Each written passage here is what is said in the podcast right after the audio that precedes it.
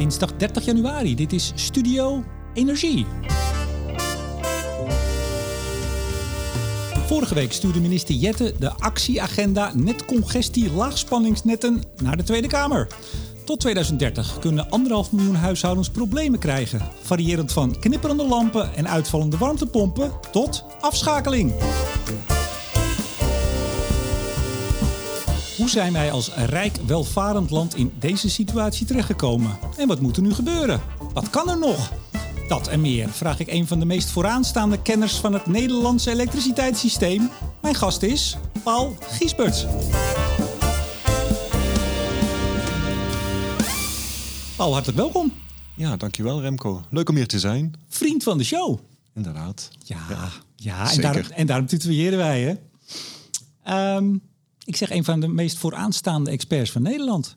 En dat is volledig terecht. Nou, dankjewel. Ik, ja, meest vooraanstaand, eh, ja, dat mogen anderen zeggen, maar ik noem mezelf ook een eh, vooraanstaande expert. Eén Ja. van de, zei ik dan. Oké, Ja, heel goed. de, dat is wel weer heel veel. Ja. Heel veel gedaan. 35 jaar actief, in 88 begonnen bij de SEP. Ja, Nu inderdaad. zegt de driekwart van de luisteraars en misschien wel 90% SEP. SEP. Ja, samenwerkende elektriciteitsproductiebedrijven, maar ze deden ook alles wat eh, Tenet nu doet. Dus het is een soort Tenet aanvallen letteren. Ja, eh, productie en distributie. productie en transport. En eh, inderdaad ook de optimale inzet van de productie. Ook de optimale planning van productie. Dat is natuurlijk allemaal sinds liberalisering weggevallen. Maar in die tijd werd natuurlijk ook transport, hoogspanningsnet gedaan, import, export, frequentieregeling. En dat is, dat is alles wat Tenet nu ook doet. Je hebt bij eh, de toezichthouder gezeten, de NMA toen. Je hebt eh, bij, eh, waar heb je nog meer gezeten? Een, een- een marktpartij, marktdeelnemers, brancheorganisaties. Eigenlijk alle rollen gehad. Ja, eh, Stadkracht heb ik eh, 13 jaar gewerkt. En eh, ook eh, als consultant hè, tussen, tussen SEP en NMA heb ik eh, zeven, negen jaar, nee, zeven jaar als consultant rond de liberalisering van elektriciteitsmarkten van alles gedaan in allerlei landen. Ja, en daar zit eigenlijk ook de bron en het begin van de netcongestie vandaag de dag. Bij de liberalisering? Of waar bedoel je? Nou ja, ik ben nog wel eens een column van jou tegengekomen dat het structurele probleem is dat er een knip is gekomen tussen partijen die windparken of wat dan ook aan opwek maar neerzetten. En een ander die dan maar moet zorgen dat de kabeltjes liggen. Vroeger was dat in één hand en dan was het makkelijk. En dat Ja. is het probleem. Althans, dat zegt meneer Giesberts. Ja, dat is inderdaad heel belangrijk. Het wordt, wordt eh, weinig genoemd. Maar eh, tegelijkertijd moet je zeggen, er zijn altijd congesties geweest. Dus ook voor die liberalisering, ook voor die knip. Komen we zo op. Komen we zo op. Want je noemde net al even Stadkracht. En wij zitten nu bij Stadkracht. Ja. Kijk eens aan. En wij zitten, ja, ik kijk even om me heen. We zitten op de 19e verdieping op een hoekkamer. Met alleen maar glas. Met een prachtig uitzicht over Amsterdam. Eh, met een zonnetje. Eh, een groot genot om hier te mogen zitten. En eh, zes jaar geleden ben ik jou voor het eerst tegengekomen. Hier, op dit kantoor. Klopt. Toen spraken we over... ja, Ja, waar spraken we toen? Ja, Energia, trilemma, wat nog geen trilemma was. Maar ik schreef toen eh, zo nu een artikel voor eh, de vrijhandelsoptiek van Jacques Lomme. En Jacques was bezig om dat onder te brengen bij Energia. En Ja, en jij dat- was toen ook Ja, dat- actief. maar Ja. dat doe jij nog steeds. En jij hebt heel veel bijdragen geschreven. En deze tip geef ik vast aan luisteraars die wat meer eh, van jou willen lezen. Geloof wel dat ze een abonnement moeten hebben dan op eh Energia. Nou ja, misschien is wel wat, eh, staat er wel wat buiten de betaalmuur. Maar jij hebt heel veel geschreven, nog steeds. Ook veel over netcongestie. Nou, dat is ook de reden met jouw cv, 35 jaar ervaring in alle rollen... dat ik dacht, nou, nou moeten we eens voor één, eens en voor altijd de podcast maken... met de man over het probleem van deze tijd. Netcongestie, waar gaan we het over hebben? Nou, wat is het nou eigenlijk? Uiteraard, dat is, dat is meer gelaagd dan je zou denken. De meeste mensen denken ook, weet wel wat het is. Nou, misschien valt het wel mee. We gaan het over de huidige situatie hebben natuurlijk. Hoe zijn we hier beland? Wat te doen? En ik zei het al, wat kunnen we nog? Aanleiding, Paul, was de presentatie, althans het naar de Kamer sturen. Vorige week maandag van de... eh, ja, de actieagenda. Ik moet altijd even kijken op mijn lijstje, want we hebben zoveel actieprogramma's en agenda's. Nu ging het over de laagspanningsnetten. Ehm, nou, ik neem aan dat je het even hebt doorgelezen. Er was een eh, overleg met eh, minister Jet in de Kamer. Is jou aan het geheel, we gaan, we gaan straks dieper, maar even zoals schot voor de boeg. Wat is jou opgevallen aan misschien of het agenda of het debat in de Kamer? Eh, Misschien eh, nog even vooraf, want eh, over mijn achtergrond. Ik heb natuurlijk ook nog eh, bij Energie Nederland gewerkt. Daar werk ik nu niet meer. Ik ben nu uh, zelfstandig actief, maar ook in die rol bij Energie Nederland natuurlijk ook betrokken geweest bij bijvoorbeeld dat actie agenda laagspanning. Dus dat even voor de volledigheid. Maar wat is full, mij full disclosure heet dat dan. je hebt er zelf ook je vingers aan zitten, zeg maar. Ja, ja klopt. En um, wat mij is opgevallen, met name ook in het. Uh, ja, we hebben de hoorzitting gehad. Dat was de 17e. En een week daarna, de 24e, het commissiedebat. Ja, toch ook wel, wel lichtpunten hoor. Zeker ook in die hoorzitting. Um, dat uh, met name vanuit de regionale netbeheerders dingen gezegd worden waar ik toch wel een beetje blij van werd. Um, en in het commissiedebat, wat toch wel opviel, is er wordt steeds meer politiek. En dat is ook wel een bron van zorg. Want uh, de, de, de, de, Tweede Kamerleden die daar aanwezig waren, wilden toch uh, ook in de nabije toekomst meer, vaker geïnformeerd worden over de voortgang van uh, deze, deze, dit, dit, dit pijndossier. Jet heeft het natuurlijk toegezegd.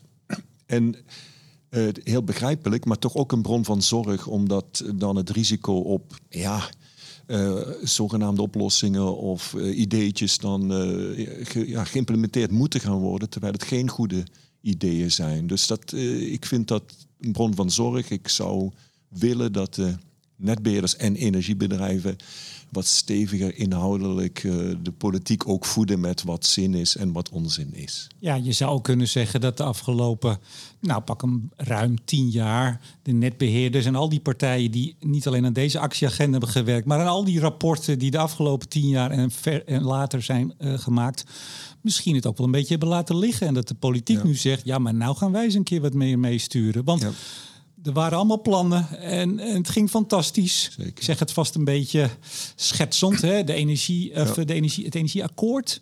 Nou, dat, uh, dit netten waren geen probleem. En we waren maar een paar jaar op streek, of er was wel een probleem. Nou, ja. hoe dat nou komt, is niet alleen de schuld van de netbeheerders. Laten we dat meteen even voorop stellen, anders zitten die weer te, te shaken achter de... Wees gerust. Nee, dat is ook te makkelijk, hè? Want ja. we willen nou eens even een diepgaande gesprek doen. Het is te makkelijk om te roepen, nou, die en die heeft het gedaan. Daar zijn we vandaag niet voor. Tenzij het niet anders kan. Ja, dat is. Oh, er staat iemand aan de deur, geloof ik. Nee, nou, ik weet niet wat hij komt doen.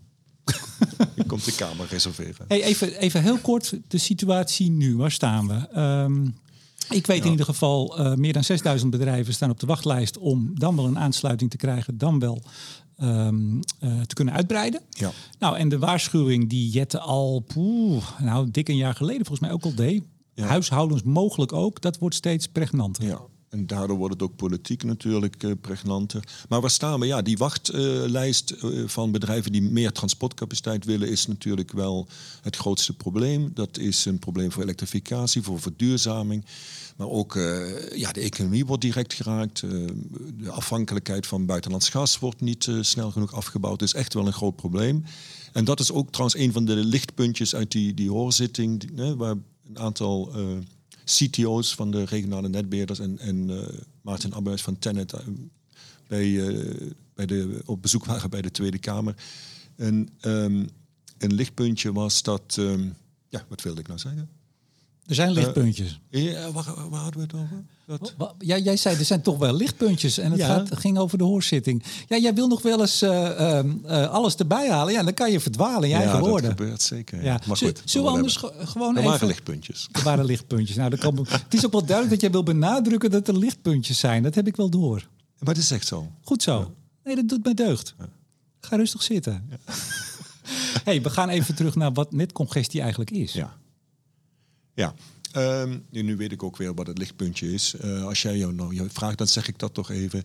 Namelijk dat uh, erkend wordt dat, het, dat dat het grootste pijnpunt is, die wachtrij. Dus dat nog even werd gezegd, het is niet zo dat, uh, dat de netten nu dreigen door te branden of dat de bedrijfszekerheid van het net, het elektriciteitsnet, in direct gevaar is. Hoewel dat ook niet helemaal zonder zorgen is. Maar het grootste probleem nu is die wachtrij. En daardoor ontstaat uh, enorm veel schade. En dat, dat ja. wordt erkend. Dus ja. dat is een lichtpuntje. De vraag was... Nee, wat nee is... maar nou ga ik even ja, door. Oh, nee, we gaan gewoon alle kanten op. We, alle, we, zitten hier heerlijk. We hebben een prachtig uitzicht. Het kan ons het schelen. Nee, maar je zegt toch ook de betrouwbaarheid van de net. Dat zei je even in, een, in een kleine Toch ook bijzin. wel. En dat uh, zei je in je introductie ook. Hè, dat als er niks gebeurt, 2030 zoveel miljoen huishoudens ook geraakt kunnen worden. Um, ja, kijk, die netcongestie tot nu toe werd vooral gemanaged door partijen dan, als het niet anders kon, in een wachtrij te zetten. Met weliswaar veel economische schade, maar in ieder geval op die manier manage je de bedrijfszekerheid van het net. En dan brandt er niks door. Maar uh, er dreigt nu ook problemen als gevolg van autonome groei. Dus bestaande netgebruikers, bestaande huishoudens, bedrijven uh, blijven binnen hun gecontracteerde transportcapaciteit, maar gaan wel vaker meer uh, gebruik maken van het net. En daardoor ontstaan ook uh, congesties, problemen in het net, die je niet kunt managen door iemand in de wachtrij te zetten. Um, dus het, de bedrijfszekerheid van het net ja, staat toch ook wel wat onder druk. Ik... En dat zie je trouwens met de spanningsproblemen nu al. Het feit dat soms zonnepanelen dan afgeschakeld worden bij een te hoge spanning, is al een, is al een, een probleem. Ja. Klopt mijn beeld? jij zit 35 jaar in deze wereld, ik iets korter maar klopt mijn beeld dat we, dat we heel vaak, dat er heel vaak moet ik zeggen, is verwezen naar de 99,99% betrouwbaarheid. En ik heb dat vaak ervaren als een soort sussende woorden. Nou, Remco, nou mensen, niet zo'n paniek. 99,99. Dat is zo vaak herhaald. En dan dacht ik, ja, maar is dat nou het hele verhaal? Dat was het natuurlijk niet. Nee, en dat, dat, dat wordt natuurlijk vaak gedaan um, ja, om het toch wat een positiever uh, sfeertje te geven. Maar ook als je naar die cijfers kijkt, is het helemaal niet zo dat Nederland nou per se het het beste en het betrouwbaarste elektriciteitsnet heeft ter wereld. Als je het vergelijkt met de cijfers in Frankrijk, ja, dan scoren we beter. Maar is ook heel logisch, omdat daar de afstanden tussen de dorpen en de centrales groter zijn. Meer bovengrondse leidingen, ook op uh, middenspanningsniveau. Dan ben je eerder, uh, heb je eerder problemen bij, bij onweer en blikseminslag. In Nederland is uh, veel verkabeld en de lijnen zijn over het algemeen korter. Mhm. Dus op het moment dat je de betrouwbaarheid van de Nederlandse elektriciteitsnetten vergelijkt met vergelijkbare situaties in het buitenland, Duitsland, Luxemburg, Denemarken, ik heb er een keer naar gekeken, dan lijkt het erop dat Nederland slechter scoort. Mhm. Dus ja, als je echt geïnteresseerd bent om te verbeteren, dan zou je niet zomaar zeggen, ja nee, we zijn de betrouwbaarste van de wereld. Dan zou je op zoek gaan naar die best practices. Uh, En uh, zou je ook toch proberen te kijken, ja, wat kunnen we nog verbeteren en hoe kunnen we verbeteren? Dat mis ik wel eens. Ja. ja. Even, wat is netcongestie? Ja, netcongestie is niet exact gedefinieerd, maar uh, het komt erop neer dat het uh, elektriciteitsnet te veel moet doen dan wat het aan kan. En een heel klein uh, stapje terug, waar moeten de netbeheerders op letten? Ten eerste de frequentie, de netfrequentie. Dat is iets wat Tenet en alleen Tenet naar kijkt. Dus de regionale netbeheerders niet. Dat gaat over de balans in het systeem. 50 hertz. 50 hertz en dat moet, uh, mag niet te veel gaan afwijken. Dus het continu balanceren van de vermogensbalans is een taak van Tenet. Even gezegd hebbende, dat is normaal gesproken geen onderdeel van netcongestie. Ja. Maar komt uh, soms wel om de hoek kijken. Dus dat is de frequentie. Dan hebben we de netten zelf. En Technisch gezien heb je dan twee parameters waar de netbeheerders naar moeten kijken. De spanning en de stroom. De stromen door de lijnen en de transformatoren en, en, de, en, het spanningsniveau. Mhm. En ja, zij zijn verantwoordelijk om het net bedrijfszeker te houden. Dus de spanning mag niet te hoog en niet te laag worden. En de stromen door de leidingen en de kabels en de hoogspanningslijnen, transformatoren, mogen niet te hoog worden. En als dat dreigt te gebeuren, grijpen de netbeheerders in, moeten de netbeheerders ook ingrijpen. Ja. Maar we hebben het vooral over die te hoge stromen. Dus een te hoog transport van elektriciteit.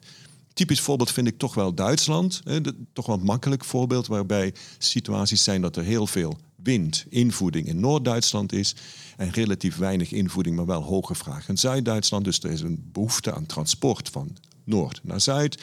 En dan zijn er momenten dat bepaalde componenten in het net dan tegen de bedrijfszekere grens aan zitten. En dan uh, moet de netbeheerder ingrijpen. Ja, laten we even teruggaan naar de SEP-tijd. Want het is soms het idee, en zeker voor mensen die nog niet zo lang meelopen, dat netcongestie iets is door de transitie. Hè? Dat, is, dat hoor je nog wel eens. Dat is niet zo. Nee, ja, ik zei het al even, het heeft eigenlijk altijd bestaan. Want ik begon inderdaad in 1988 en toen hadden we ook uh, uh, congesties, we noemen dat deelnetbeperkingen. Uh, dat waren met, dus congesties met name tussen het net van SEP, dat was toen 220 kilovolt en 380 kilovolt, dus het echte extra hoogspanningsnet. En de regionale netten, dat was toen 150 kilovolt en lager. En zeg maar de provinciale netten. Mhm. En um, er waren dus beperkingen tussen het voor wat betreft het transport van het landelijk hoogspanningsnet naar die regionale netten. En de inzet van de productie werd ook beperkt, werd ook aangepast.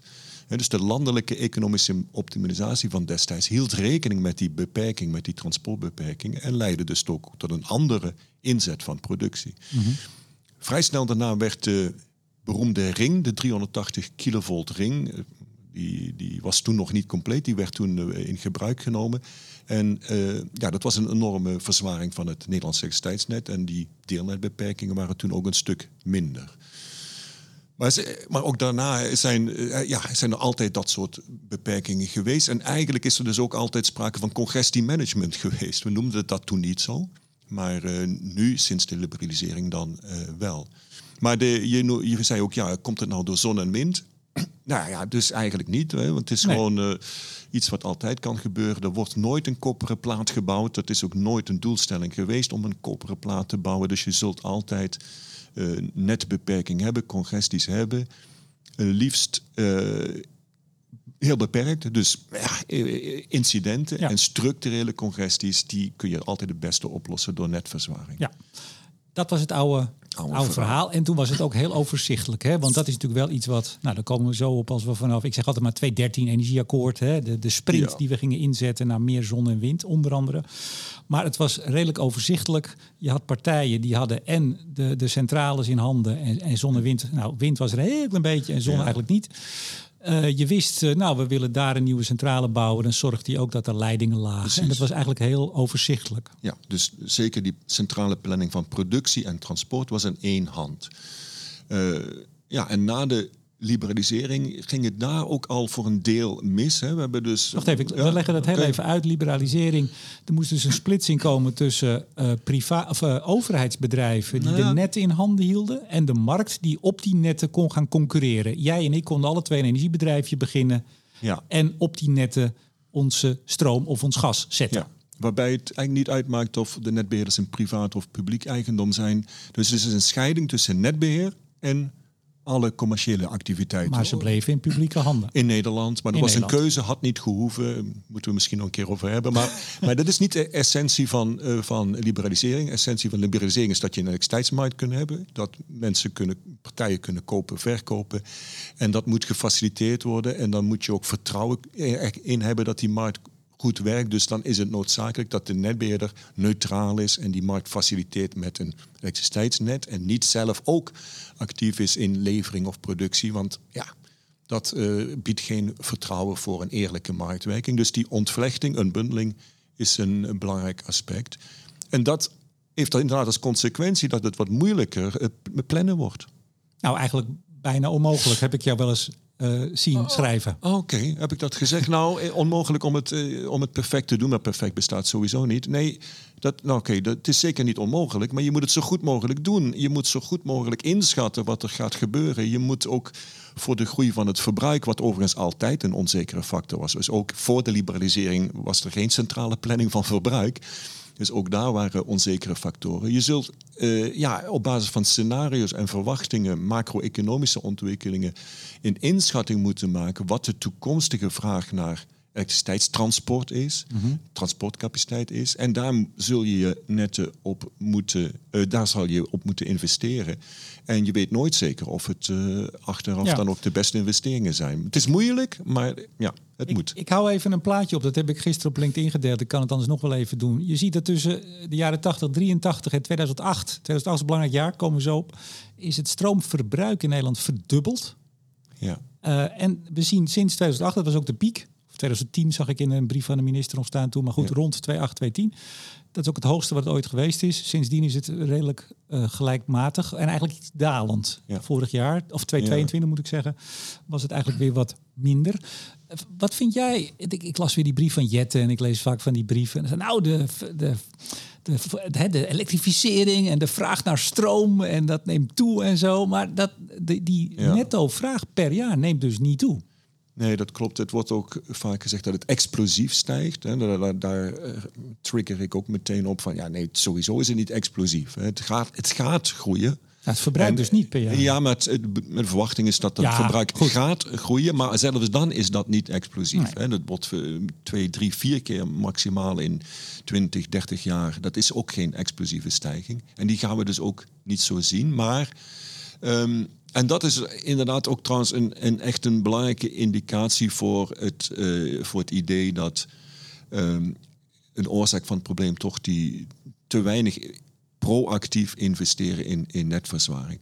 Maar tegelijkertijd, voor alle duidelijkheid, eh, het verbruik is nu inderdaad al ruim 10 jaar of eh, nog langer, Ja, 15 jaar, 16 jaar, vrijwel stabiel. Eh, maar het gaat hier, dat is het totale verbruik per jaar. Het gaat Ja. natuurlijk om het gebruik van de netten, de Zeker. transportpiek op het net. En eh, die heeft te maken met ja, ook gelijktijdigheid en niet gelijktijdigheid van de vraag. En die is eh, naar verwachting natuurlijk gestegen. Maar dat is niet zo inzichtelijk trouwens. Dat is Nee. wel jammer. Nee, maar we pellen hem even af hier. Dat ook iedereen die luistert, die kan voortaan zeggen... nou, maar het eh, elektriciteitsverbruik is niet toegenomen, hoor. Nee, nee, dat, we- dat weten ze dan. We hebben ja. wel andere problemen. We pellen Ja. hem even af. Paul. We hebben de tijd, toch? Prima. hey, even, ik zei al 2008, dat zei ik niet voor niks. Het was eh, in die tijd, eh, nou, toen zaten we op piek in het eh, stroomverbruik. Maar er was ook, nou, een flink congestieprobleem. ja. Minister Van de Hoeven toen, die had al in 2007 een pakket maatregelen ja, aangekondigd. En ik hoop maar dat ze hem heeft uitgevoerd.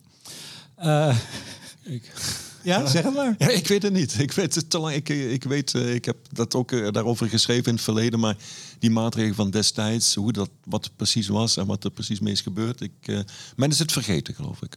Ja, en dan maak ik toch even een sprongetje. Want in 2019, dat is een ander belangrijk jaar. Want toen waren echt de problemen die we... en dat werd toen vooral aan meer zon en wind. Hè, 2013 energieakkoord. Sprint ingezet, miljarden, tientallen miljarden in, aan subsidie beschikbaar gesteld voor zon en wind. En zon ging vaak met, de, met een flink deel en soms de hele poet er vandoor in een jaar. Miljarden gingen er naar zon.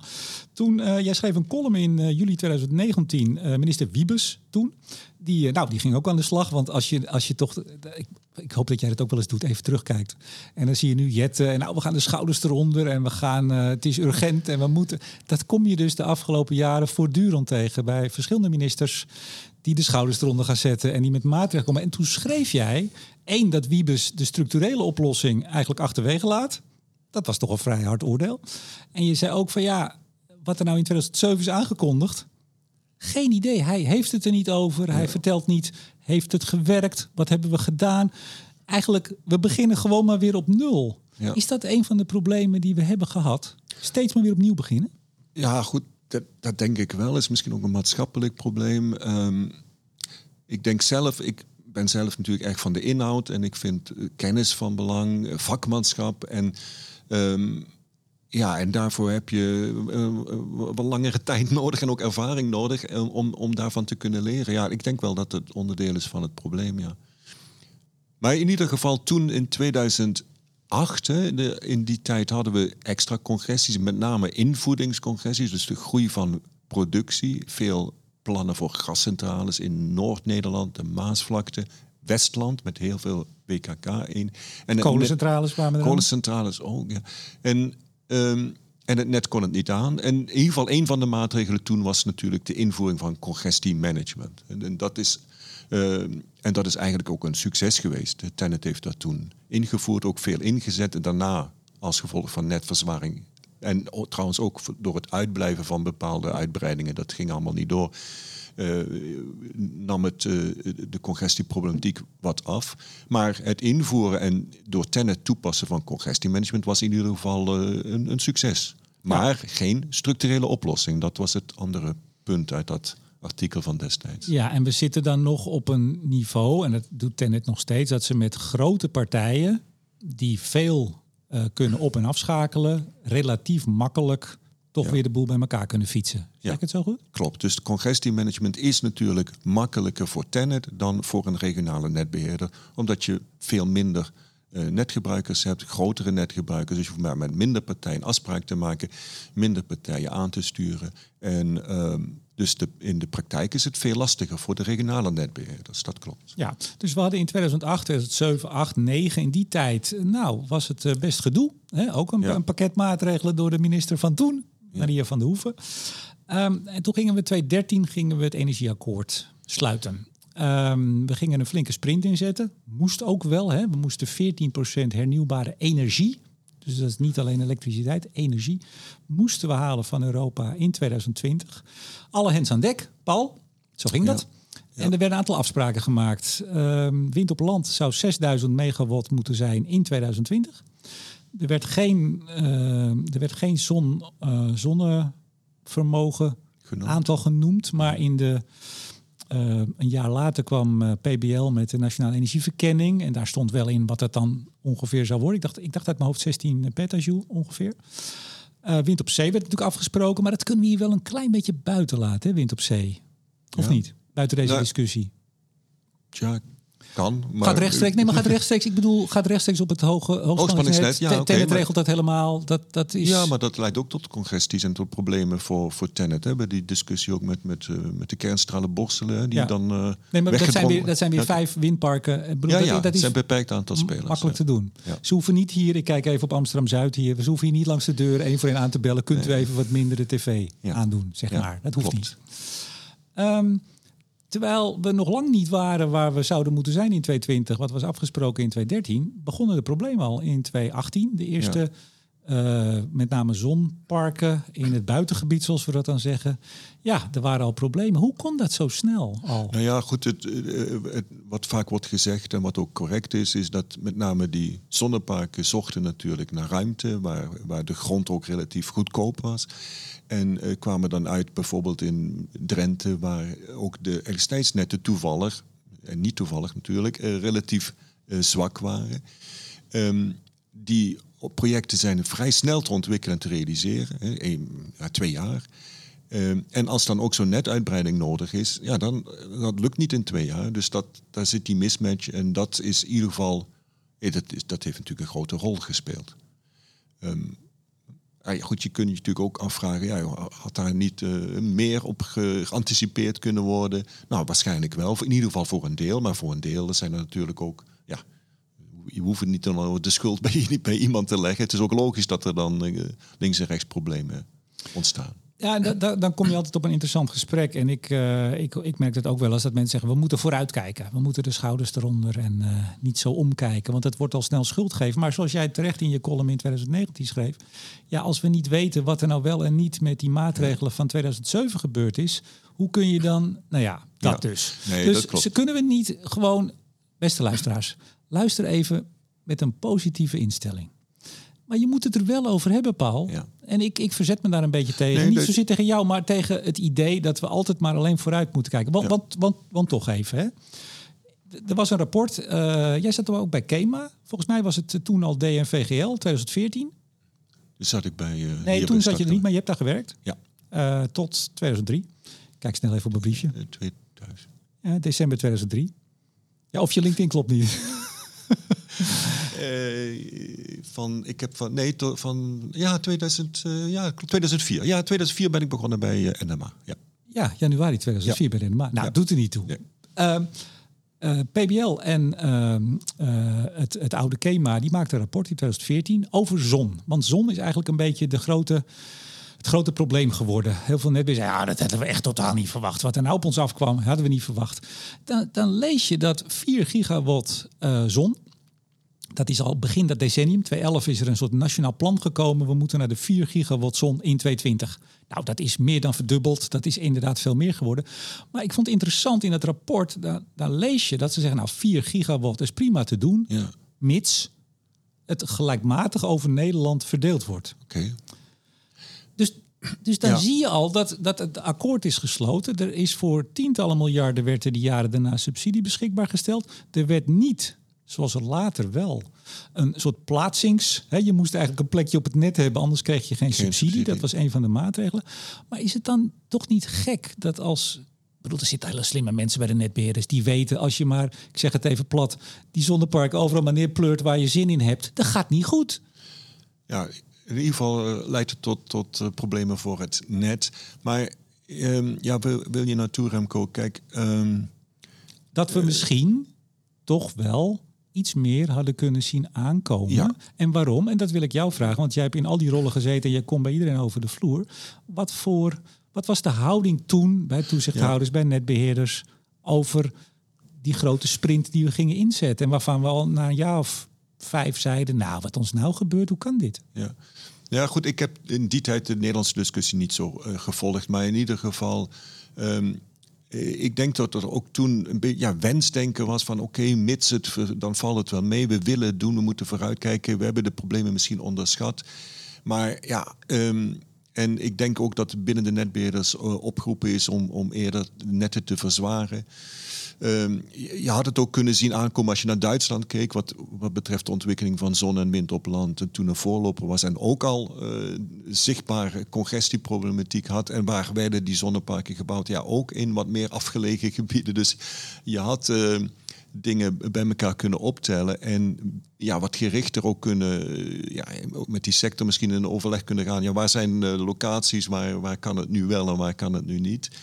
Um, daar, ja, dat, nou, de, in ieder geval de analyse, dat zei je, eh, waarom zijn deze problemen ontstaan, die is de, de er is geen diepgaande analyse. Het wordt vrij oppervlakkig gezegd, ja, die zon eh, die ontwikkel je in twee jaar en die netuitbreiding die duurt acht jaar. Ja, dat is niet het hele verhaal.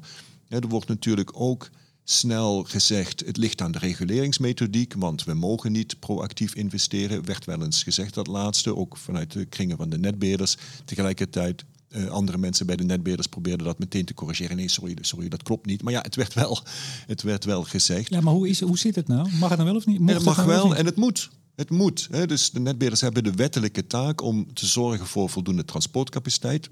Hoe moeilijk het dat ook is, moeten investeringsplannen maken op basis van scenario's en niet op basis van aanvragen. Dus het is niet zo dat de netbeheerder voor de netverzwaring moet wachten tot er aanvraag ligt. Nee, eh, omgekeerd. Hij moet proactief investeren. En de reguleringsmethodiek die tot nu toe wordt gebruikt om de, uiteindelijk de maximale inkomsten eh, te bepalen, die laat dat ook toe. Dus elke investering uh, en de kosten die mee, daarmee samenhangen, komen ook in de zogenaamde regulated asset base. En die heeft dus ook impact op de tarieven. Um, maar ja, er was dus meer aan de hand. Het was, dus het was zeker niet alleen de reguleringsmethodiek. Misschien dat de reguleringsmethodiek verbeterd moet worden. ACM kijkt daar nu ook naar. Mhm. Maar het is zeker uh, zeer waarschijnlijk niet zo dat dat het grootste probleem was. En misschien was het helemaal. Misschien is er helemaal geen aanpassing van de reguleringsmethodiek nodig. Maar wat ik me kan voorstellen, en dan ga ik even uh, aan de kant van de netbeheerders zitten. We hadden in die tijd, uh, toen de transitie op gang kwam, Um, er waren best wel een aantal keren, bijvoorbeeld bij het van gas afgaan of bij, er was op een gegeven moment in, ik geloof eind 2018, was er een enorme ophef in de Kamer over uh, verkeerde aanname van getallen van de energierekening van mensen thuis. Uh, dat was, zou een paar tientjes uh, of een tientje per maand hoger worden. Nou, Leiden was in last, Kamer op zijn achterste benen. Um, in Nederland willen we natuurlijk ook wel vaak vraagteken aan jou, Paul, voor een dubbeltje op de eerste ja. rang. Dus niet zozeer misschien die netbeheerders die niet mochten, maar ook gewoon de cultuur van, nou jongens, we gaan niet zomaar een paar honderd miljoen aan kabel stoppen, want we weten misschien wel niet of het wat gaat doen. Ja. Die cultuur had je toen wel en misschien nog wel. Ja, dat werd ook genoemd in het commissiedebat vorige week. Dat is een belangrijk onderwerp. En dat zal waarschijnlijk ook kloppen. In ieder geval is het ook zo dat de Rekenkamer een jaar of 10, 12 jaar geleden hier naar heeft gekeken. En toen ook heeft gewaarschuwd. Ja, we moeten oppassen dat we niet te veel onnodig investeren in elektriciteitsnetten. Precies. En ACM heeft dat ook gezegd. Ook uh, een jaar geleden op Nieuwsuur of anderhalf jaar geleden op Nieuwsuur. Maar uh, zij hebben dat, ja, dat heeft ook de, de, de houding van ACM beïnvloed. En zijn toch voorzichtiger geworden. En zijn toch blijkbaar ook in discussies met netbeheerders ja, kritisch geweest. Ja, moet je dat nou wel doen? En dat werd ook in de hoorzitting door, ik dacht Sanders van Inexis gezegd. Uh, ja, dat, dat, was, die cultuur was breder. Was wellicht dat sommige netgebruikers of consumenten of bedrijven ook uh, erop hebben gewezen van ja, we moeten niet te veel investeren, zou best kunnen. Um, om de kosten laag te houden. Ja. Uh, maar het goede van wat Sanders zei ehm, in die hoorzittingen was, ja, en, maar dan hebben we ons dat te veel laten aanleunen. En dat, dat klopt, want ja, de rekenkamer kan wel wat roepen en, en anderen ook, maar je hebt de wettelijke taak als netbeheerder om voor die transportcapaciteit te zorgen. Dan had je dat eigenlijk dan toch moeten zeggen, ja, alles goed en aardig, uh, maar uh, wat ons betreft is het nodig om die en die redenen en wij stellen voor om te investeren. Dus mm -hmm. hij gaf eigenlijk toe dat, het, dat de achteraf te weinig proactief is geïnvesteerd. En dat het inderdaad een wat bredere cultuur was, waar de netbeheerders uh, ja, zich dat iets te veel hebben laten aanleunen. Dit is eigenlijk gewoon gezegd. Ja, maar dat, precies, maar daar, kun je iets bij voorstellen. Ja, uh, zeker. zeker. Ja. Even, even iets anders. En ook dat wil ik bij jou toetsen als, uh, als senior man met grote staat van dienst. Zo vanaf 2013 ook weer, dat omslagpunt energieakkoord, zag ik dat netbeheerders met allerlei andere dingen zich ook bezig gingen gaan houden. Behalve met zorgen dat er voldoende kabels en leidingen liggen, dat die het doen en dat er uh, ook op tijd extra zijn. Uh, die gingen laadpaalbedrijven beginnen, zelfs adviesbureaus gingen ze beginnen. Allemaal een beetje op het randje of dat wel tot de kerntaak behoorde. Maar goed, en die vonden, en dat vond ik op zich altijd wel een, op zich een goed argument, van ja, wij zijn in een positie waarin wij de transitie kunnen versnellen. Omdat wij meer dan de markt. En de markt doet het pas als het commercieel is. Wij kunnen alvast een setje geven. Dat was hun mhm. motivatie. Uh, ik zag mensen van netbeheerders als een uh, als halve goeroes door het land op het podium staan over hoe belangrijk het was dat we aan de transitie moesten. Ik hoorde allerlei dingen, maar niet over meer kabels en leidingen. Klopt mijn beeld? Ja, dat is ook mijn uh, indruk, sterke indruk. En daar stoor ik me, heb ik me ook veel aan gestoord. Um, en ook dat werd trouwens in de hoorzitting door volgens mij weer Sanders ook gezegd. Die zei ja, in die tijd, en dan hebben we het over nog langer geleden, misschien wel 2008 of nog, nog daarvoor, zijn we bezig gegaan met smart grids bijvoorbeeld. En uh, ja, andere marktmodellen. We moeten anders gaan sturen. Ook toen al, dus 2008, 2007 wisten we, en dus ook de netbeheerders, dus niet alleen dat die, die zon en winter aankwam, maar dat ook elektrificatie daar aankwam. Elektrisch vervoer en elektrische warmtepompen. Dus ook, want daarom gingen ze in de slag met smart grids. Ja. Uh, en, uh, en te weinig, ja, wacht even, dan moeten we, we kunnen met smart grids van alles doen. Maar hoe dan ook, die laagspanningsnetten, die moeten sowieso verstevigd worden. En uh, die, grond, uh, die, die straten moeten open. Uh, laat ons nu een plan gaan ontwikkelen en gaan beginnen. Want we moeten van Maastricht tot Alkmaar die, die, die netten verzwaren. En dat kost tijd. Dus, ze hebben, ja, dus ik denk dat er te veel... aandacht is gegaan naar ja, dit soort ideeën die niet per se verkeerd zijn, maar in ieder geval toch uh, de, de focus van de kerntaak, netverzwaring, mm hebben afgeleid. Ja, het was wel grappig. Er zijn natuurlijk om de zoveel jaar zijn er van die rapporten over het net van de toekomst. Uh, en ik, ik vond er nog één in 2011. En daar stond geloof ik, hou me ten goede hoor, maar meer dan 30 keer het woord verzwaring in. Als iets wat noodzakelijk was. En in 2013, dus dan zitten we weer in dat jaar 2013, eind, ik dacht december. Toen stond er nog één keer het woord verzwaring in, maar 37 keer slim. Of slimme. Toen, maar dat vond ik wel interessant. En even jouw kijk daarop. Kijk, toen zeiden de netbeheerders ook van ja, de taak die nu voor ons ligt. En die was natuurlijk gigantisch, hè? Wat er was afgesproken in het energieakkoord. En wat er allemaal bij moest komen. Laadpalen, nou noem maar op. Ja, dat is zo'n grote. Dat gaan we niet redden met verzwaring alleen. Ja.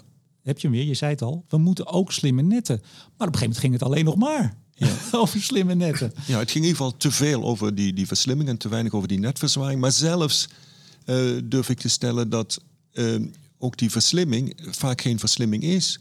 Uh, dat is een tijdelijk noodzakelijk iets. Maar die structurele netverzwaring is uiteindelijk de oplossing met de grootste baten. Dus het is niet, niet zozeer en en, ja, voor een deel wel, maar het is toch vooral die netverzwaring. En tijdelijk anders omgaan met, met de netten. Het is dan ook niet zozeer slimmer omgaan met de netten. Dat woord slim wordt er vaak voorgeplakt. Maar het is noodgedwongen anders omgaan, omdat het net beperkingen stelt. Maar dat is niet slim, dat is noodgedwongen. Maar hebben we niet uiteindelijk toch ook sowieso in de eindsituatie, voor zover we die kunnen benoemen, ook veel meer slimheid nodig? In de zin dat je lokaal meer balanceert, dat je niet zoveel het net op hoeft te gooien. Dat is toch ook een vorm van slim, of niet? Nee, dat is. Uh, ja, ik zal het, ehm, het woord dom heb ik nu laten vallen, maar uh, zou ik liever niet gebruiken, maar in ieder geval suboptimaal. Kijk, dat, dat is ook een, inderdaad een, een idee wat eigenlijk niet helpt.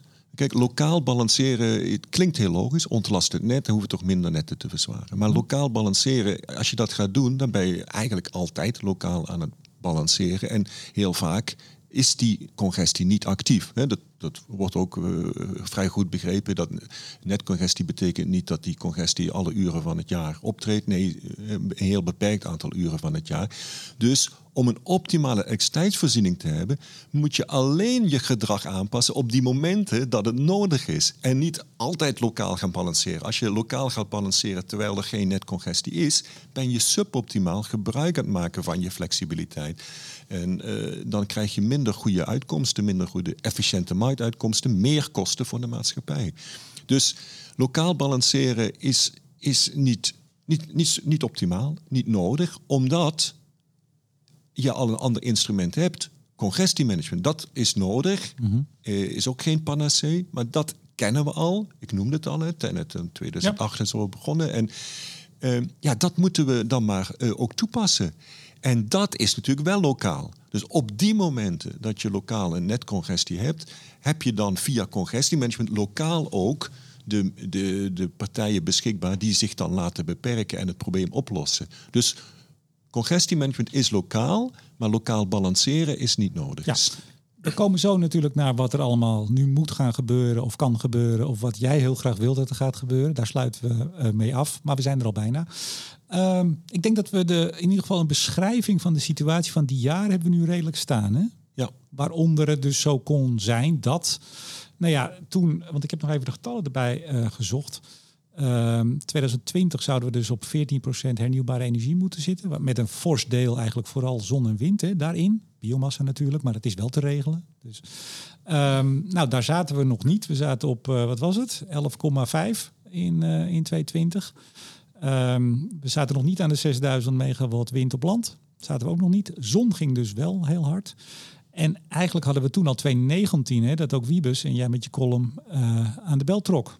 Toen ja. was het alweer, liep ja. het ons over de schoenen. En ja. wat is dan precies, want dat is ook zoiets. Vertel ons, Opal, wat is het net op slot? Wat is het net op slot? Ja, want het net ging toen deels op slot. Nu zit het hele kaartje rood in Nederland, ongeveer oranje. Wat betekent het dan? Het betekent dat uh, partijen die transportcapaciteit willen, niet het net op kunnen, dus in een wachtrij staan. En dat geldt dus, het begon vooral met invoerders, met duurzame projecten, zonprojecten, die dan geen transportcapaciteit kregen, dus in een mm. wachtrij komen. En de laatste tijd ook steeds meer bedrijven, consumenten die willen elektrificeren. Of een kartbedrijf die de autootjes niet op, uh, op benzine, ja. maar op uh, elektrische kartautootjes willen hebben. Die, die, dat soort vormen van elektrificatie worden ook uitgesteld. Ja. Dat, ja. ja, maar dat, dat betekent dus dat die netbeheerders die kijken naar voren en die reserveren dus, want die denken, nou, wij verwachten dat er zoveel warmtepompen, extra laadpalen, zoveel ja. elektrische auto's verkocht worden. Daar moeten wij ruimte voor hebben. Ja. Dus het is een verwachting van de komende hoeveel jaar?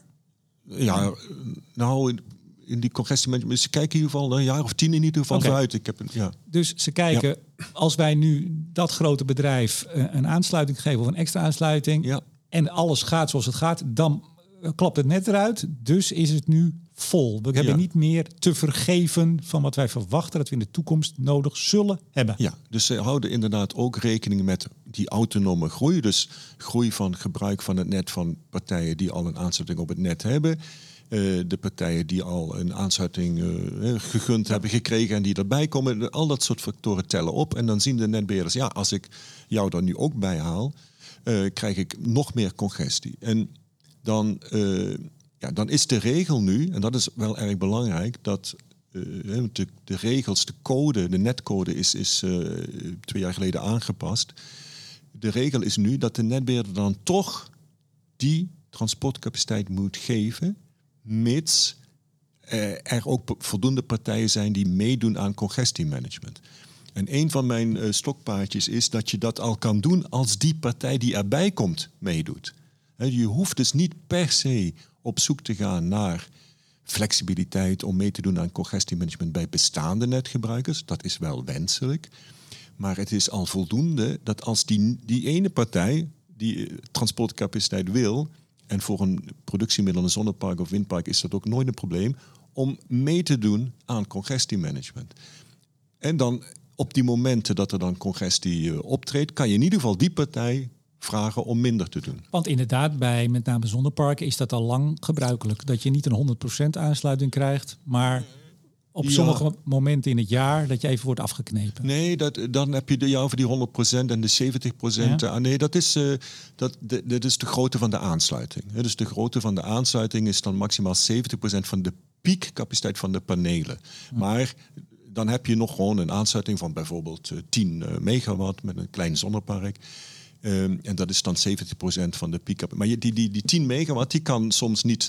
eh, eh, dan moet je soms terug. En als zo'n productiemiddel of zo'n ontwikkelaar met dat park op het net wil, die wil ook meedoen aan congestiemanagement, want hij wordt dan gecompenseerd in die uren dat hij niet kan produceren. En, en dus dat is één van de, van de bottlenecks die ja, aangepakt zou moeten worden. De eerste op die rij, hij, wordt ook de wachtrij genoemd, maar eigenlijk is het dus geen wachtrij, het is meer een behandelrij, want hij heeft recht op die aanzetting, hij heeft recht op die transportcapaciteit, mits die partij meedoet aan congestiemanagement. Ja, want vertel dat ook nog even. In de wet, volgens de wet, moeten netbeheerderspartijen aansluiten. Ja, je hebt een aansluit. Aansluitplicht. En het gaat hier vooral, eh, st- strikt formeel moet je onderscheid maken in de aansluiting en de Transport, transportcapaciteit. En de regel is altijd zo, dus die aansluitplicht is zeg maar absoluut, maar niet het geven van transportcapaciteit. Dus als er redelijkerwijs geen transportcapaciteit in het net is, hoef je geen transportcapaciteit te geven. Maar voor een, een marktpartij, dus een ontwikkelaar voor zon of voor een bedrijf die wil elektrificeren, maakt dat onderscheid natuurlijk niet uit, want je hebt beide nodig. Je Ja. hebt de- dus ehm, ehm, ja, dus je hebt, eh, je hebt recht op die aanzetting, maar je hebt ook recht op transport, mits... Het er is. Nee, mits je dus mee, in ieder geval jij meedoet aan congestiemanagement. Want dan, als die transportcapaciteit er niet is, word jij teruggebracht. En, dat- er zijn dan, even het verhaal afmaken, nog twee grenzen aan dit verhaal. De technische grens en de financiële grens. Hè. Dus de, op het moment dat dit te groot wordt, hè, dus te veel congestie, congestiemanagement moet worden ingezet, dan en pas dan kan de netbeheerder zeggen, eh, sorry, je moet op een wachtrij en je moet wachten op die netverzwaring. Precies. En dat zijn die meer dan 6000 bedrijven die op die lijst staan. Nee. Nee, helaas denk ik dat er nu veel partijen bij zitten die wel recht hebben op eh, transportcapaciteit. Want al die batterijen die bijvoorbeeld op een, om transportcapaciteit vragen, zijn bereid om mee te doen aan congestiemanagement. En dan heb je recht op die transportcapaciteit. Dan mag je dus niet in een wachtrij worden geplaatst. Weten ze dat? Ja, ik heb het eh, links en rechts dus geschreven. En, maar in ieder geval één punt dat ook in die hoorzitting en ook in het eh, commissiedebat niet aan de orde kwam. Ja, er werd over verschillende dingen, ook details rond congestiemanagement gesproken, rond de standaardvergoeding en zo. Maar dit punt werd niet benoemd. Maar ben jij de enige die dit zegt? Of zijn er meer?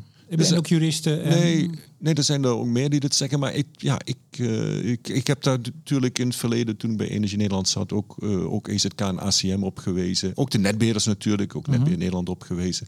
En dan wordt vaak gezegd, ja, wie zijn dat dan? Hè, geef dan spe- specifiek de case, met naam en toenaam.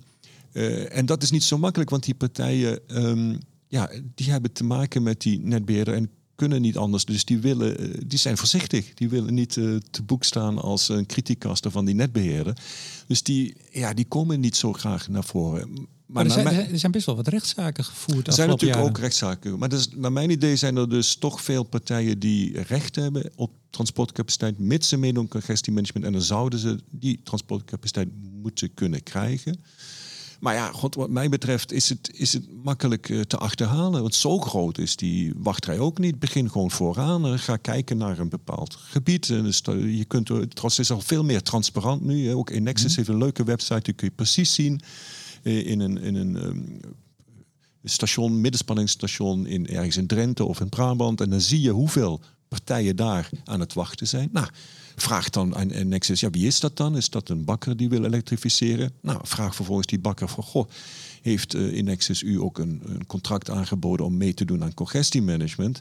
Zo nee, eh in Nexus, eh, kom op, Het eh, is heel dat. simpel, tot slot. Het is gewoon de wet. Ja. Als jij meedoet, dan mag je niet geweigerd worden. Ja, pas op het moment dat of de technische of financiële grens wordt bereikt, dan en pas dan mag de netbeheerder zeggen: sorry, u, u moet op de wachtrij en u moet wachten op die netverzwaring. Maar ja, die technische grens, die ken jij ook niet. Dus Nee, de, die- de netbeheerder zal in een gebied zeggen... ja, nou, m- meneer Giesbubs, we zitten hier aan de grens. Nee, ook die is vastgelegd. Hè, dus die is 110%, maar mag ook hoger, tot 150% mag de netbeheerder gaan. Er is, wat, eh, er is wat ruimte voor de netbeheerder. Die wordt ook genoemd in de congestiemanagement onderzoeken, dus die kun je zien. En eh, soms wordt die ook bereikt op een bepaald moment. Uh, maar over het uh, grosso modo, wat ik ook hoor van de netbeheerders, is dat in heel veel gevallen uh, de technische grens, nog de financiële grens, wordt, is bereikt. Oké, nou dat zou voor een dat aantal bedrijven geval, goed ja, nieuws kunnen zijn. Precies. En nogmaals, ook dat is geen structurele oplossing, maar een van mijn stokpaardjes is, ja, we hebben een instrument om voor dat slimmer gebruik van het net. Ik ben niet, geen voorstander van het woord slimmer, maar in ieder geval aangepast gebruik van het net. En dat instrument heet congestiemanagement. Zet het in. En dat is niet, natuurlijk niet zo makkelijk, maar in ieder geval, eh, naar mijn idee, beter, slimmer, effectiever dan nieuwe instrumenten verzinnen. Nou, wat zijn wel permanente oplossingen? We zijn in het slotblokje beland. Jij mag nu je, je wensenlijstje en met jouw inzicht en uh, grote nou. kennis... mag jij vertellen wat we nou echt structureel moeten doen om het op te lossen. Nou ja, goed, de, de, eerste, en dat zegt ook iedereen, is natuurlijk bouwen, bouwen, bouwen. Dus die netverzwaring, meer en sneller netverzwaring. Uh, maar uh, vervolgens stappen we nog steeds uh, snel daaroverheen te zeggen, ja, dat weten we, dus, maar we, halen het niet, dus we moeten ook wat anders doen. Nee, mm -hmm. even terug naar die netverzwaring. Hoe kunnen we dat versnellen? De netbeheerders hebben nu nieuwe investeringsplannen opgesteld. Grofweg kunnen zij 75% van wat nodig is op tijd doen, dus 25% nog niet daar moet de aandacht voor zijn. Hoe kunnen we van 75 naar 76 procent? Of misschien naar 77 procent? Want elk procentje daar is grote winst. Nou, dat, is echte winst. Ja, dan zegt uh, minister Jetter, die zegt... nou, we moeten onorthodoxe maatregelen nemen. We moeten misschien wel gewoon zonder vergunning alvast gaan bouwen... en dan komt die vergunning wel. Ja. Biedt dat allemaal soelaas? Nou, dat, dus de, de, vergunningen is een grote bottleneck voor sneller bouwen... en menskracht bij de netbeheerders. Dat zijn de twee grote uh, brokken. Nou, vergunningen, ja, dat is echt een taak van overheden met name en overheden met netbeheerders. Ik zit niet zo in die discussie, maar het is natuurlijk ook heel moeizaam om daar versnelling in aan te, uh, voor, voor, elkaar te krijgen. Je weet ook niet, stel dat dat lukt, of de netbeheerders er dan wel sneller kunnen bouwen, want probleem 2 is de uitvoeringskracht van de netbeheerders zelf. Maar die vergunningsproblematiek uh, is belangrijk. Ook daar zou meer aandacht voor moeten zijn. Dus meer doorvragen. Er wordt nu energy boards opgericht. Ja, eh, worden die opgericht, maar wat gaan ze doen? Gaat dat ook leiden tot uh, snellere vergunningen? Of gaan ze zich verliezen in discussies over prioritering? Ik moet kiezen tussen het casino en het ziekenhuis. Wat, ik, Verdelen verschaarste, zeg Verdelen was, is geen oplossing. Um, dus, maar goed, dat is punt 1. Dus ieder, ieder, procent telt, dat is een belangrijk. en, ja, en dan dus die uitvoeringskracht van die netbeheerders. Menskracht is blijkbaar duidelijk het grootste probleem. Ja, dan moeten we doorvragen. Ik zie daar met name een rol voor ACM. ACM en niet zozeer EZK, anderen ook, maar ACM heeft de wettelijke taak om eh, de netbeheerders te controleren op hun wettelijke taak. De ACM heeft al twee keer eerder op basis van de investeringsplannen geconstateerd dat er uh, een, een, tekort aan investeringen is. Er is onderinvesteringen. Uh, ze hebben geconstateerd er is een maakbaarheidsprobleem, een maakbaarheidsgat. Ze hebben gezegd ja, dat maakbaarheidsprobleem gat dat blijft nog wel even bestaan. En vervolgens concluderen ze dus, uh, het zou goed zijn als er een maatschappelijk kader komt voor prioriteren. Nee, dat helpt niet. Nee, wat er moet gebeuren is van hoe kunnen we dat maakbaarheidsgat verkleinen. Eén, uh, licht, ik noemde al eerder de lichtpuntjes. Een van de lichtpuntjes die ook in die hoorzitting naar voren kwam. Ik dacht weer Sanders van Inexis die zei, maar het kan ook een van de anderen geweest zijn. Dat ze de netbeheerders nu uh, lange termijn of grotere volume contracten afsluiten met aannemers, zodat de aannemer zekerheid heeft en de aannemer kan investeren in opleidingen, ja. uh, werknemers uit het uh, Roemenië of waar dan ook. dus dat zijn dat zijn voorbeelden. Maar nog meer daaraan werken. Uh, ja, passen de andere netbeheerders dat toe? Zijn er nog andere ideeën? Uh, toch misschien ook anders werken, zodat er nog meer ruimte is voor, voor, de, uh, voor, voor technische ja. werk. Maar, maar even, ja. even Paul, ACM moet, strenger, moet eigenlijk strenger zijn. Hè? moet er niet te makkelijk meegaan. Ik vertaal jouw woorden even. Moet niet te makkelijk meegaan in het feit, ja, er zijn geen mensen. Ehm, komt dat toch omdat ook in Nederland, want ook dit plan wat dus vorige week werd gepresenteerd of die agenda, als je ook ziet, iedereen heeft er weer aan bijgedragen en aan gewerkt. Jij ook nog, ja. uh, ACM, iedereen staat ja. er weer bij. Dat is bij al die plannen altijd. Iedereen zit eigenlijk, zeg ik even, in hetzelfde schuitje. Welke partij ook, toezichthouder, iedereen, ministerie. Is dat niet misschien ook, vraag ik voorzichtig, een onderdeel van het probleem? Dat we te veel met elkaar iedere keer aan dezelfde koffietafel zitten? Ja, nou ja, dat, pol, ja. Maar het polderen en met iedereen praten is aan zich natuurlijk goed. Maar Zeker. het probleem is meer, dat, dus dat zie ik niet als het probleem. Het probleem is meer dat er, ja, naar mijn idee, te weinig dan uh, ook wordt gesproken met, met de inhoudelijke experts en met, met, met, met een beperkt clubje van mensen. En dat ook ACM daar uh, echt op toeziet. En ja, dat, dus daar ontbreekt het eigenlijk naar mijn idee aan. Polderen is prima en iedereen betrekken is ook prima. Niks op tegen. Maar... Dat, ik zeg ook niet dat polderen slecht is, Paul. Maar, okay. maar je moet wel op een gegeven moment als toezichthouder ook kunnen bijten ja, en durven en, bijten. Precies. En dat is ook moeilijk, hè, want de toezichthouder heeft een informatieasymmetrie. Dus wat, wat, wat, weet, wat weet ik en wat weet ACM, hoe die netbeheerder moet doen, dat, is moeilijk. Dat is, maar je zal toch iets moeten. Dus je zal bijvoorbeeld als ACM haal er dan een uh, technisch consultant bij, uh, organiseer een benchmark van de, van de prestaties van de netbeheerders onderling. Wat overigens interessant is, als je kijkt naar de aansluittermijnen, dat de kleine netbeheerders in Nederland beter scoren dan de grote netbeheerders. Nou,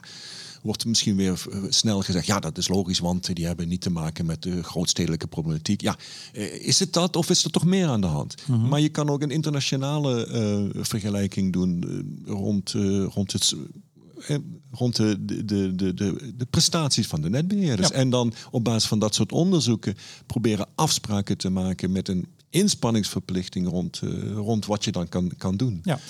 Dat is punt één. Ja, net, dus dat is die netverzwaring. Het tweede is toch ook, uh, gegeven de netinfrastructuur die er is, meer uithalen. Meer dus meer capaciteit halen uit de infrastructuur die er is. En dan gaat het bijvoorbeeld om uh, meer bedrijfsmeters uh, installeren, met name in de lagere spanningsniveaus, zodat de netbeheerder beter inzicht heeft in de daadwerkelijke belastingen let en daardoor ook scherper op de wind, aan de wind kan varen. Want dat is nu dus niet zo. Nee, de, dus de hoogspanningsnetten zijn traditioneel altijd goed bemeten. Het is ook makkelijker.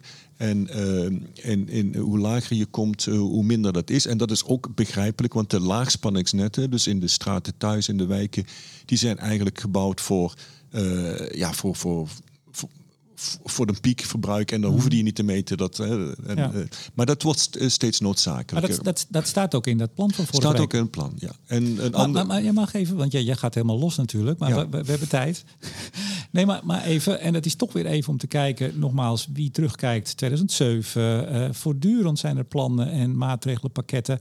Toen ik deze las, dat verbeteren van het inzicht, hè, um, en we hadden het in het voorgesprek daar heel even over, zei ja, nee, daar is gewoon een gebrek aan kennis, gewoon van meten, van ja. Is, is dat nou in die afgelopen 10, 17 jaar uh, nooit langsgekomen? Want het, ligt, het lijkt zo voor de hand te liggen. Of is dat niet zo? Nou, in ieder geval uh, uh, op de vorige investeringsplannen, dus dan hebben we het over 2021 toen gepresenteerd waren, hebben een aantal brancheorganisaties, onder andere Energie Nederland, maar andere ook, ook gewezen op, op investeer nou in die, in die bedrijfsmetingen. Hm. Dus, en, en daarvoor, ja, ik. Ik, ik, ik, zie ook wel eens een Europees rapport van de netbeheerders, de DSO's, waarin dit ook wordt gezegd. Dus het is wel bekend. Maar, maar is, de, is de kwestie van de druk moet eerst nog wat toenemen voordat je echt alles zoals dat ene procentje of twee procentjes, ja. he, moet je echt gaan knijpen en, en overal aan gaan draaien? Is dat het? De ja, druk moet hoger? Ja, ik weet het niet. Ik, in ieder geval, mijn, dat was wel wat ik zei. Dat met name ACM daar toch, ja, toch stevig, toch meer, met meer druk. Uh, ja, nog meer procentjes te uitknijpen. Hoe vervelend het ook is. Maar nogmaals, elk procentje is echt grote ja, welvaartswinst. Nee, dat, dat, is helder. Dat is bij ja. verzwaring en bij het... En, maar en ook hier, bij hierbij. En, ook hierbij Ook dus. hierbij dus meer halen uit de bestaande okay. Andere idee is die, die dynamic line rating. Hè, wordt ook wel eens genoemd. Dat wil zeggen dat de netten... Uh, als, als de omgevingstemperatuur lager is... of als het een lekker beetje waait... dan kunnen hoogspanningsmasten koelen wat meer... en dan kun je meer transporteren. Dus mm -hmm. dynamic line rating. Dus hou gegeven de omstandigheden uh, pas je aan en dan kan je soms wat meer transporteren. Nou, Pro procentje weer? Waar heb je ja, het over? Nou ja, ik, ja, weet ik niet. Een ander idee is, wat, wat ik echt wel, wel aardig vond, wat Tennet ook over heeft gerapporteerd. We kunnen de structuur, de topologie van de hoogspanningsnetten, hebben ze het met name over de 110 kV, 150 kV, aanpassen. Dat is nu ook een vermaast net vaak. En die vermazing van die netten leidt er soms toe dat je een groot transport over één knooppunt krijgt of één lijn krijgt, wat dan de zwakke plek is. Als je die vermazing verbreekt, dan kan het zijn dat de benutting van de verschillende lijnen gunstiger is, dat je in totaal meer kan doen. En Tennet zei zelf, ja, da daarmee kunnen we de transportcapaciteit verdubbelen of zoiets zijn. Dus wat hmm. ik persoonlijk denk van, was ik zeer, eh, dat leek me erg veel, maar ja, verdubbelen is gigantisch. Dus eh, hoe zit het precies? Uh, kunnen we dat ook op de 50 kW-netten toepassen? Dat zijn dan de vragen die ik, ik, ik zou willen dat ACM zou stellen. Liefst ook met wat openbare rapporten, analyses natuurlijk, zodat anderen ook mee kunnen denken. Ja, dat, dat soort ideeën. Dat is dus punt twee. Haal meer capaciteit uit de bestaande infrastructuur. Want even, het is nog steeds niet helemaal helder waar nou echt de bottleneck zit, toch? Zit het bij Tenet of zit het bij de regionale? Of bij alle twee? Nou ja, eh, dat, maar goed, die, de bottleneck varieert afhankelijk hmm. van de situatie. Maar vaak zijn het de koppelpunten, de transformatoren tussen het net van Tenet en de regionale netbeheerders. Dus bijvoorbeeld, ja, we hebben die storing bij hem weg gehad in de 50 kV hier in Amsterdam. Kachel stond niet aan, Paul.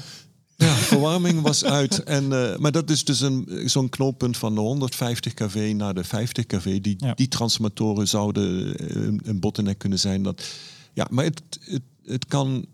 En op een bepaald, ja, op, op, een ander moment in het jaar is een ander netcomponent ja. uh, de, de bottleneck. Dus we hadden de netverzwaring. We hebben het nu gehad over meer inzicht in die netten, zodat je die ook beter, hè, meer meten. En dus dat je meer kunt gebruiken. Ja, en andere innovaties om meer uit te... En de derde is dan toch ja, dat ja, wat vaak slimmer of efficiënter gebruik van het net wordt Pas op, niet slim hè? Dat, nee, dat nou ja, ander, ik noem het liever anders. Pas je aan en je moet je aanpassen. Uh, en um, ja, daarvoor heb je eigenlijk uh, drie instrumenten. Eerste is toch andere nettarieven. Er wordt ook veel over gezegd. werd ook uh, genoemd in, de, in het commissiedebat. Uh, prijsprikkels wordt het genoemd. Ja. Uh, maar het gaat hier over de nettarieven. Dus uh, andere nettarieven, een andere nettariefstructuur die ja, het dus zeg maar duurder maakt om het net te gebruiken op het moment dat, dat er congestie is of congestie dreigt en goedkoper maakt als er geen congestie is. Is, um, is logisch om daarnaar te kijken, is gegeven de situatie evident, daar moet naar gekeken worden. Gaat het wat opleveren, is de vraag. Want Um, ten eerste, het is een indirecte sturing. Je, je kan je tarief aanpassen, je kunt die prikkels dus veranderen, maar nog steeds is het de vraag of die netgebruiker zich gaat aanpassen. Dus die bakker zal nog steeds uh, om zes uur s ochtends met zijn ovens willen draaien, uh, ook al is het dan wat duurder. Ja? Dus je kan het doen, uh, maar het uh, wil niet zeggen dat het wat oplevert. Het is ook ingewikkeld. het is niet zo makkelijk. Een tarief is met name bedoeld om kosten te allokeren een tarief is in essentie niet in staat om de juiste prikkels te geven. Je kan wel wat doen, maar... Maar moeten we het nou doen of niet? We moeten sowieso die nettariefstructuur heroverwegen. Maar het, is, het is geen. Uh, verwacht er niet te veel van. Maar we moeten het doen. In ieder geval ook het, uh, het punt van opslag. Die, die batterijen die veel voor net uh, betalen. Naar mijn mening is er, zijn hele goede redenen om die een lager nettarief te laten maken. Punt 2. Um, of punt 3b moet zeggen. Dat, waren de, dus dat is indirect sturen. En dan, zoals ik zei, ja, dan ben je nog steeds niet zeker. En je, je moet voor een bedrijf zeker net uh, direct kunnen sturen. En dan ja, kom je toch bij dat toepassen van congestiemanagement. Mm -hmm. En we hebben de regels daarvoor. Uh, de principes kunnen worden toegepast. En wat is de essentie van congestiemanagement? Is dat als je je dan aanpast, krijg je daarvoor een vergoeding. En um, dus nu heel veel discussie van hey, eh, minister Jette zit in de meterkast. Nee, zei de minister, dat doe ik niet. Eh, ja, zei uh, Kops van de PVV, dat staat, dat staat er ook niet. De netbeheerder uh, gaat direct uh, sturen. Um, dat, dat Kops dus een punt. Ja, Kops had een, had een punt. Dat stond inderdaad, of dat staat in, dat, in die actie, actieagenda. Um, maar, en ja, dat, dat, mag toch niet zomaar, dat moet dan vrijwillig zijn. Maar ik, mijn punt is, nou misschien is het niet vrijwillig, maar in ieder geval moet het vergoed worden. Het moet gecompenseerd worden. Dat is congestiemanagement. En de Europese regels vereisen dat eigenlijk. Die spreken over die vrijheid van dispatch. En die, uh, die spreken ook over een vergoeding als iemand zich aanpast. Dus het gaat om. Uh, dat is, dat is, dus congestiemanagement is niet makkelijk. Zeker niet als je naar die lagere nette spanningsniveaus gaat. Maar pas het toe. En maar, dan, maar, maar geef eens een voorbeeld. Hoe zou dat eruit kunnen zien? Op nou ja, de laagspanningsnetten congestiemanagement? Ja, dat, dat is. Uh, en dat is wel. Uh, kijk, je kan dat natuurlijk niet uh, met al die huishoudens individueel de netbeheerder gaat er geen afspraken maken. En daar is het dus interessant om te kijken of dat met marktpartijen samen gedaan kan worden. Dus leveranciers, en dat is ook een trouwens een interessant punt, leveranciers, maar ook de nieuwe rollen, zoals de vraagrespons-aggregatoren of de peer-to-peer handelaren. Allemaal nieuwe rollen die mhm. een plek krijgen in de nieuwe energiewet. die zijn ook bezig met het sturen bij de klant. Op basis van de echte prijsprikkels, op basis van de vraag-aanbodbalans in de markt. Bij negatieve prijzen willen we hè, minder invoeding en meer verbruik. Eh, dynamische tarieven. Dus de leveranciers en de energiebedrijven zijn ook bezig met flexibiliteit bij de klant. De netbeheerder wil dus ook wat doen als het moet vanwege het net. net dus mijn stelling is, netbeheerders en energiebedrijven, zorg dat je daar een gezamenlijk verhaal uh, gaat ontwikkelen hoe dat gaat werken. En dan kunnen die, uh, die leveranciers, die marktpartijen, die sowieso ook bezig zijn met flexibiliteit bij de huishoudens, een dienst bieden aan de netbeheerders voor congestiemanagement. Ja, en, en, even, want dit werd meteen Telegraaf, inderdaad eh, de minister in de meterkast en die gaat bij mij uh, mijn warmtepomp uitzetten. Uh, ik snap overigens wel dat dat het sentiment is. Hè? Dat is natuurlijk wat je een beetje krijgt als het ja. hierover gaat. Maar toch even, daar zitten we nu voor. De praktijk, wat zou dat dan betekenen? Dus de netbeheerder of de, de, de vattenvals van deze wereld zitten daartussen. Die, uh, het, het dreigt mis te gaan. Wat, wat doen die dan? Wat zouden die dan kunnen doen nou, het, bij ons thuis? Ja, het gaat natuurlijk toch om het aansturen van de grote apparaten. Dus dat is toch de warmtepomp en, en de elektrische auto. En mm -hmm. als je ook zonnepanelen ja. hebt, aansturen van die zonnepanelen. Uh, maar ook een goed punt van de actieagenda laagspanning is dat dat soort apparaten ook aanstuurbaar moeten zijn. Dus gewoon ja. een technische eis, wat echt cruciaal is. Ja, maar is het dan secondenwerk wat ik nee, nee, was, of dat is, is dat minutenwerk? Nee, of? dat, dat is ook een, dat, dat, dat hoeft, normaal gesproken is congestiemanagement helemaal niet in die korte termijn. Dat is meestal een dag vooruit, of in ieder geval uren vooruit, op basis van verwachtingen. Ja, maar Ga wat je, gebeurt er nou, Paul? Ik wil het zo graag weten. Dus dan, dan Zit ik in de kou? Nee, nee, nee, nee, nee, je zit dus niet in de kou. Dus je gaat dan, die, die marktpartij gaat dan regelen. Oké, okay, die netbeheerder wil minder afname in die uren morgen. Ja. En die marktpartijen die er dan tussen zitten, die hebben een, een pool aan, aan posities, geaggregeerd, warmtepompen of uh, elektrisch laden of laadpalen. En die, die zorgen ervoor dan dat op die uren, op die dag, die volgende dag, minder wordt afgenomen. Ja. En en worden daarvoor gecompenseerd door de netbeheerder. Ja, maar even toch bij mensen thuis. Ik probeer hem echt even thuis nou ja, te brengen. Bij, bij, het... ja, bij je thuis ook, maar dan heb jij als huishouden heb je een afspraak met je leverancier ja? of wie dan ook.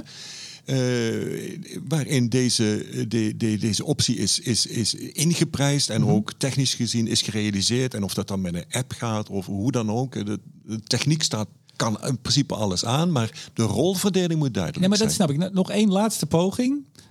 Ik, ik heb me aangemeld. Ik vind dit interessant. Ik hoef niet alles voortdurend aan. En ik ja. zeg, mijn warmtepomp die mag, mag ja. daarin meespelen. Is het dan dat hij iets minder... Ja, dan gaat hij bijvoorbeeld of, minder doen. Hè? Dus ja. dan wordt de capaciteit van die warmtepomp in die uren... hoeft niet per se nul te zijn. Maar nee. wordt beperkt dat... Oké, okay, dan kan dan niet meer dan 1 of 2 kilowatt... Maar we praten uh, over een paar uur dus. Ja, bijvoorbeeld een paar uur. Maar je zit niet in de kou. Uh, nee, zo, uh, nee, nee. En, en, en, als je, en als je niet wil, doe je niet mee. He, dan, als, als, het, uh, als je per se die, die warmtepomp altijd wil hebben. Maar, maar dan moeten we dus gaan ontdekken hoeveel mensen zich hier ja, dit en, leuk vinden en daar een centje misschien mee willen verdienen. Ja, maar goed, ja? dat is wat lastig. Maar in ieder geval, wat belangrijk is, is dat we die, de rolverdeling duidelijk krijgen. Het was ook een hele goede vraag van Grinwis aan het eind van het uh, commissiedebat. Die vroeg aan de minister, ja, maar hoe gaan we hierover communiceren? Want het is toch allemaal ja, niet zo duidelijk. Precies. En Jette zei, ja, gaan we doen.